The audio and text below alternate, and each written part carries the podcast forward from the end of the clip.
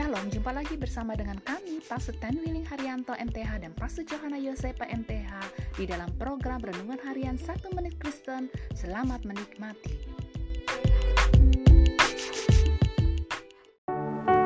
Shalom saudara yang berharga di mata Tuhan, senang dapat berjumpa dengan saudara.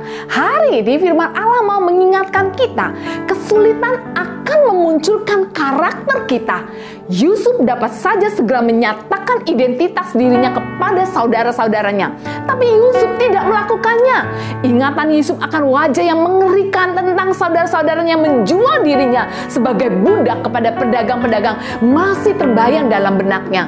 Apakah saudara-saudaranya masih suka melakukannya jahat dan berbahaya atau mereka telah berubah setelah bertahun-tahun kemudian? Untuk mengetahui karakter mereka, Yusuf memutuskan untuk memenjarakan saudara-saudaranya beberapa waktu. Apakah hari ini saudara sedang menghadapi situasi yang mengharuskan saudara untuk sabar, untuk mengalah, untuk tetap bersuka cita? Ingatlah bahwa kadangkala masalah dapat dipakai untuk menunjukkan karakter kita. Izinkanlah Roh Kudus bekerja dalam hidup kita sehingga dalam setiap situasi karakter Kristus tetap terlihat dalam hidup kita. Kami mau jadi berkat. Kalau saudara memerlukan dukungan doa, hubungi kami di plus 62 812 9332 8339. Sampai jumpa pada episode berikutnya. Tuhan Yesus memberkati.